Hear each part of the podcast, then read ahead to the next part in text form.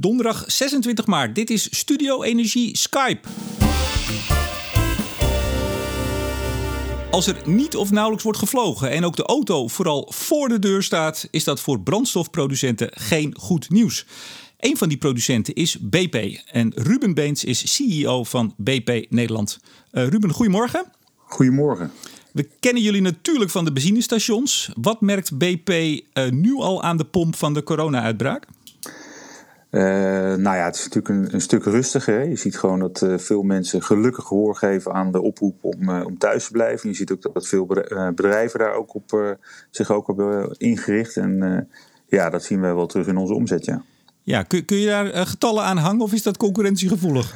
Nou, dat is wel concurrentiegevoelig, maar we zien toch wel. Uh, kijk, uh, in de, ik zat even naar wat cijfers te kijken over het aantal pintransacties wat terug was gelopen. En dan zag je in de tankstationbranche dat uh, ongeveer 38% was. En in die richting moet je wel denken dat de omzet terugloopt. Ja. Doet dat nou ook nog iets met de prijs van benzine? Dat is misschien een hele gekke vraag. Want ik, ik heb geen auto, dus ik, ik tank ook eigenlijk bijna nooit. Um, maar doet dit iets met de prijs? Nou, de prijs wordt natuurlijk uh, uh, zeg maar bepaald door een aantal factoren. En dat is uh, onder meer de olieprijs. Nou, de olieprijs staat momenteel laag. maar ook de kosten zeg maar, om producten te vervoeren. en afhandelingskosten en de, de, de, dollarkoers. Dus, en dat wordt allemaal zeg maar, in, een, in een model gegoten. En dan komt er een, een prijs uit. En natuurlijk kijken we ook natuurlijk met een schuin oog wat er op de borden staat bij onze concurrenten. ja, dus, nou ja, dus er kan nog wel een kleine concurrentiestrijd. Nee, dit, dit gaat natuurlijk vooral over de grote, de grote slagen, hè, de olieprijs. Uh, ja, kijk, ik denk dat op dit moment uh, zijn we ook niet uh, bezig met om hier geld aan te verdienen. Dat willen we absoluut niet. Ik denk dat onze belangrijkste prioriteit is het welzijn voor mensen. En we realiseren ons ook wat er, dat er wat aan de hand is. En ik denk ook dat wij een maatschappelijke rol te vervullen hebben. Dus het feit dat wij uh, brandstof blijven leveren is belangrijk ook voor hulpdiensten en voor uh, onze truckers die zeg maar zorgen dat de winkels bevoorraad worden. En ja, ik denk ook dat, dat onze medewerkers, zowel op de raffinaderij, maar ook op al onze tankstations, en ook overigens bij de concurrenten hoor, fantastisch werk doen om in ieder geval die locaties open te houden en te bemannen. Ehm, want voor mij zijn dat ook zeg maar de helden van, van ons bedrijf op het moment. Zeker. Nou hadden het over benzine. Ik zeg dan even 40% minder uh, benzineverkoop. Kerosine, hoe zit het daarmee? De vliegtuigen? Nou ja, vliegtuigen staan stil. Hè? En, dat, en dat merken wij natuurlijk ook in onze omzet. Dus ik denk dat, dat het een hele lastige tijd is voor, voor veel bedrijven. Dus ook voor ons. En ehm, ja, ik denk dat we hier met elkaar zo goed mogelijk doorheen moeten komen. En dat is denk ik op dit moment even de belangrijkste prioriteit.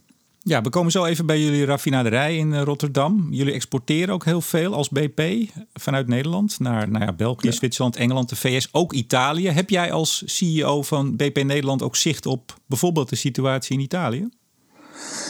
Uh, nou, niet zozeer uh, qua verkopen, maar ik ken uh, de CEO van Italië ken ik goed. Dus daar heb ik ook wel contacten mee. En ja, die situatie is daar absoluut vreselijk wat daar momenteel gaande is. Dus ehm, ja, we hebben, ik heb wel contacten met ze, ja. Nou, dan heb je het dan over de, de medische situatie of ook de, de, de benzinepompen die geloof ik zelfs dicht gaan hè, daar? Ja, ik heb inderdaad ook gelezen dat, dat daar de benzinepompen dicht gaan. Nou hebben wij daar geen uh, geen tankstation zelf, dus we hebben daar een smeermiddelenafdeling en ook een smeermiddelenplant. Uh, dus, maar ik heb inderdaad ook begrepen dat, daar, alle tank, of dat een aantal tankstations daar dicht gaan. omdat nou ja, dat hele land zit op slot. Ehm, dus ik denk dat daar voor hulpdiensten is daar brandstof nodig, maar voor de rest zit iedereen thuis. Ja, nou je, je zegt het eigenlijk al, hè? jullie produceren daar ook andere spulletjes, uh, grondstoffen voor de petrochemische industrie bijvoorbeeld. Um, wat kun je daarover zeggen? Want daar zal, ook, uh, zal men ook uh, stilvallen of althans minder produceren. Ja, ja nou dat is, ik denk dat die conclusie juist is. Ik denk dat, dat op dit moment is het, merken wij door het hele bedrijf heen dat, dat de impact zeg maar, van, van deze situatie. Ja. Jullie hebben de, nou, een van de grootste raffinaderijen die in Rotterdam. 400.000 ja. vaten olie verwerken jullie daar op een normale dag, zou ik zeggen. Kun je iets zeggen over wat de productie nu is? Nou, we zijn nog open. En daar ben oh, ik ook. Dat is al heel wat. Daar ben ik blij mee. Nee, nou ja, kijk, het is, het is zo dat. het is ook belangrijk om, om open te blijven. Want we moeten aan de ene kant is het natuurlijk best lastig om, een, om zo'n fabriek stil te leggen. en aan de andere kant nou ja, wordt er ook van ons verwacht dat we natuurlijk producten produceren. Ehm, dus ja, maar we zien wel dat, dat, dat de vraag natuurlijk enorm afgenomen is. Ja, maar, maar kun je dat zeggen? Wil je dat zeggen? Hoeveel minder vatenolie jullie per dag verwerken? Of is ook dat weer heel concurrentiegevoelig? Nou, dat is ook wel weer concurrentiegevoelig. Maar uh, het is, het is ja, hij draait nog en daar ben ik hartstikke blij mee. En nogmaals, kijk, heel veel mensen werken vanuit huis. Hè, en we zien nu dat, dat, dat wij daar met twee teams werken die iedere dag het mogelijk maken dat, dat die fabriek open blijft. En ja, ik ben heel eh, dankbaar voor die mensen dat ze dat doen. En dat ze daar gewoon nog met, met hun ziel en zaligheid naartoe komen. En we zien natuurlijk wel dat het aantal zieken ook toegenomen is. Ehm, maar we zijn ook blij dat hij nog draait. Dus, ja. ja. Als je nou minder te verkopen hebt, dan kun je twee dingen doen, denk ik. Dan kun je minder produceren. Of je kunt het opslaan. En waarschijnlijk beide. Jullie hebben heel veel opslagtanks. Ik geloof 4,3 miljoen liter kunnen jullie kwijt. hoe vol zitten die tanks nu? Nou, de, de tank zit er natuurlijk wel, wel redelijk vol, ja. Ja, dus dat, dat, dat kun je wel stellen, dat die vol zitten. Ja, dus die vul je eerst en, en dan ga je terug in productie. Maar, maar stilleggen, dat is... Ik bedoel, je kan niet maar heel weinig produceren. Op een gegeven moment komt er een punt, dan moet je hem stilleggen, die raffinaderij. Ja, ja. ja. En dat proberen we natuurlijk te voorkomen. Dus kijk, ik denk dat het ook... niemand weet hoe lang dit gaat duren. De overheid heeft aangekondigd dat op 6 april dat er zeg maar opnieuw gekeken gaat worden, maar wel dat zeg maar tot 1 juni grote evenementen verboden zijn. Nou, we weten eigenlijk allemaal niet wat dat betekent. ik denk dat, dat we echt de komende weken even af moeten wachten wat, wat, er, ja, wat er verder gaat gebeuren. En wanneer zeg maar, het land weer op gang gaat komen. Maar het vermoeden is natuurlijk wel dat het uh, wat langer gaat duren dan. Hoe, hoe ver of hoe dichtbij zitten jullie bij het moment dat je toch de raffinaderij moet stilleggen? Nou, daar zitten we nog wel even vanaf hoor. Dat, uh, het is niet zo dat wij op dit moment uh, daar heel dichtbij zitten. Dus ja. Het is moeilijk hè, om hier iets over te zeggen volgens mij. Nou ja, kijk, ik wil ook niet. kijk, we moeten ook geen onrust veroorzaken. En ik denk ook dat, dat wij, wat ik al zei, een belangrijke rol te spelen hebben op dit moment ook. Als, als oliebedrijf. En ehm, ja, wij, gaan, we zijn er zeker nog niet van plan om de, om de raffinaderij te sluiten. Dat is zeker nog niet aan de orde. Nou is een van jullie concurrenten, uh, Gunfor, dat is een wat kleinere raffinaderij vlakbij, ook in Rotterdam. Die uh, zou een, een turnaround, een soort hele grote onderhoudsbeurt hebben vanaf maandag. Die zou een paar weken stilgaan. Die hebben hem uitgesteld. Die gaan nu uh, een, een, half jaar dicht. Ja. betekent dat nog iets voor jullie? Nou ja, kijk, allereerst vind ik het vervelend dat, dat ze hem uit hebben moeten stellen. Dat is nooit leuk voor een, voor een concurrent dat ze dat moeten doen. maar in principe betekent dat voor ons, voor ons niks. Nee. Nee. Maar ook niet in de producten die zij maken, want ja, zij liggen dan stil nu.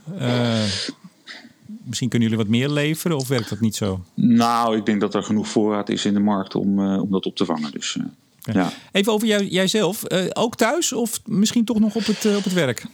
Nee, ik zit, ik zit ook thuis. Dus we hebben zeg maar de mensen die niet kritisch zijn voor het, voor het openhouden van de raffinaderij en eh, voor het zeg maar runnen van de, het uh, dagelijks runnen van de, van de tankstations, die zitten, werken allemaal thuis. Dus ik zit op een zolderkamer, zit ik achter een scherm eigenlijk de hele dag in telefonische vergaderingen. Ik zou, ik zou toch denken dat de CEO van BP Nederland een hele mooie werkkamer heeft, maar het is toch gewoon de zolderkamer.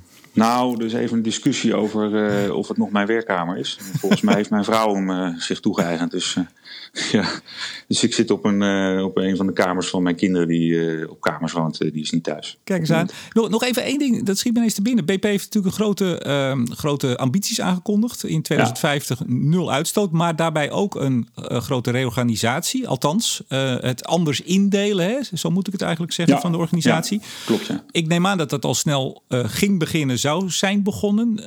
gooit dat nu route in het eten? Uh, nou, nee, kijk, ik denk wel dat uh, onze eerste prioriteit is nu het, het welzijn van onze mensen. En, en daarbij het welzijn, of tenminste de, de gezondheid van het bedrijf. maar hier, we gaan hier gewoon mee verder. We hebben hele duidelijke ambities neergelegd. En die ambities zijn ook belangrijk voor de, voor de lange termijn van het bedrijf en voor de toekomst van het bedrijf. En ehm, dus je ziet wel dat daar, daar wordt gewoon mee verder gegaan. En we zullen dus ook een aantal aankondigingen gaan doen de komende tijd. En de belangrijkste is denk ik in september. Waarin we duidelijkheid gaan verschaffen over of meer duidelijkheid hoe we, hoe we dit allemaal gaan doen. Ja, hoe jullie precies die naar net, net zero willen ja, gaan. Hè? precies. precies. Maar, maar dus die, Bernard, die... Ja, ga onze, maar. Ja, onze CEO Bernard Looney heeft dus in februari zeg maar, aangekondigd wat onze tien zeg maar, aims zijn. Dus waar, waar staan we voor? En nou, dat, dat gaat hij in september gaat hij dat meer specificeren. En op dit moment wordt er hard gewerkt om die plannen ook concreet te maken. Maar goed, ik neem aan dat je toch wat minder makkelijk overleg kunt hebben. Dus dat het toch misschien wel iets vertraagt, of niet? Uh, nou, ik heb, uh, wat ik van hem begrepen heb, is dat, uh, dat we gewoon verder gaan met waar we waren. En ja, aan de ene kant vertraagt het wat, hè, want je bent natuurlijk toch bezig op dit moment met een stukje crisismanagement. Aan de andere kant levert het misschien ook wel weer wat tijd op, omdat je, nou ja, gewoon niet afgeleid wordt door de dagelijkse beslommering op het werk, zeg maar. Ja, hoe, hoe hou je contact met je medewerkers? Uh, nou, eigenlijk uh, hebben we, vind ik zelf, best wel intensief contact. Dus ik heb uh, met mijn MT heb ik dagelijks hebben we even een, een half uurtje dat we bij elkaar zitten, zeg maar, virtueel. En we doen twee keer in de week heb ik een, vertel ik even aan de, het hele bedrijf wat, ja, wat, er, wat er speelt, hoe het gaat. En dan hebben mensen de kans om vragen te stellen. En, uh, en we hebben ook uh, veel uh, individueel contact, omdat, omdat je ook wel merkt dat ja, mensen heel erg moeten wennen aan, aan het thuiswerken.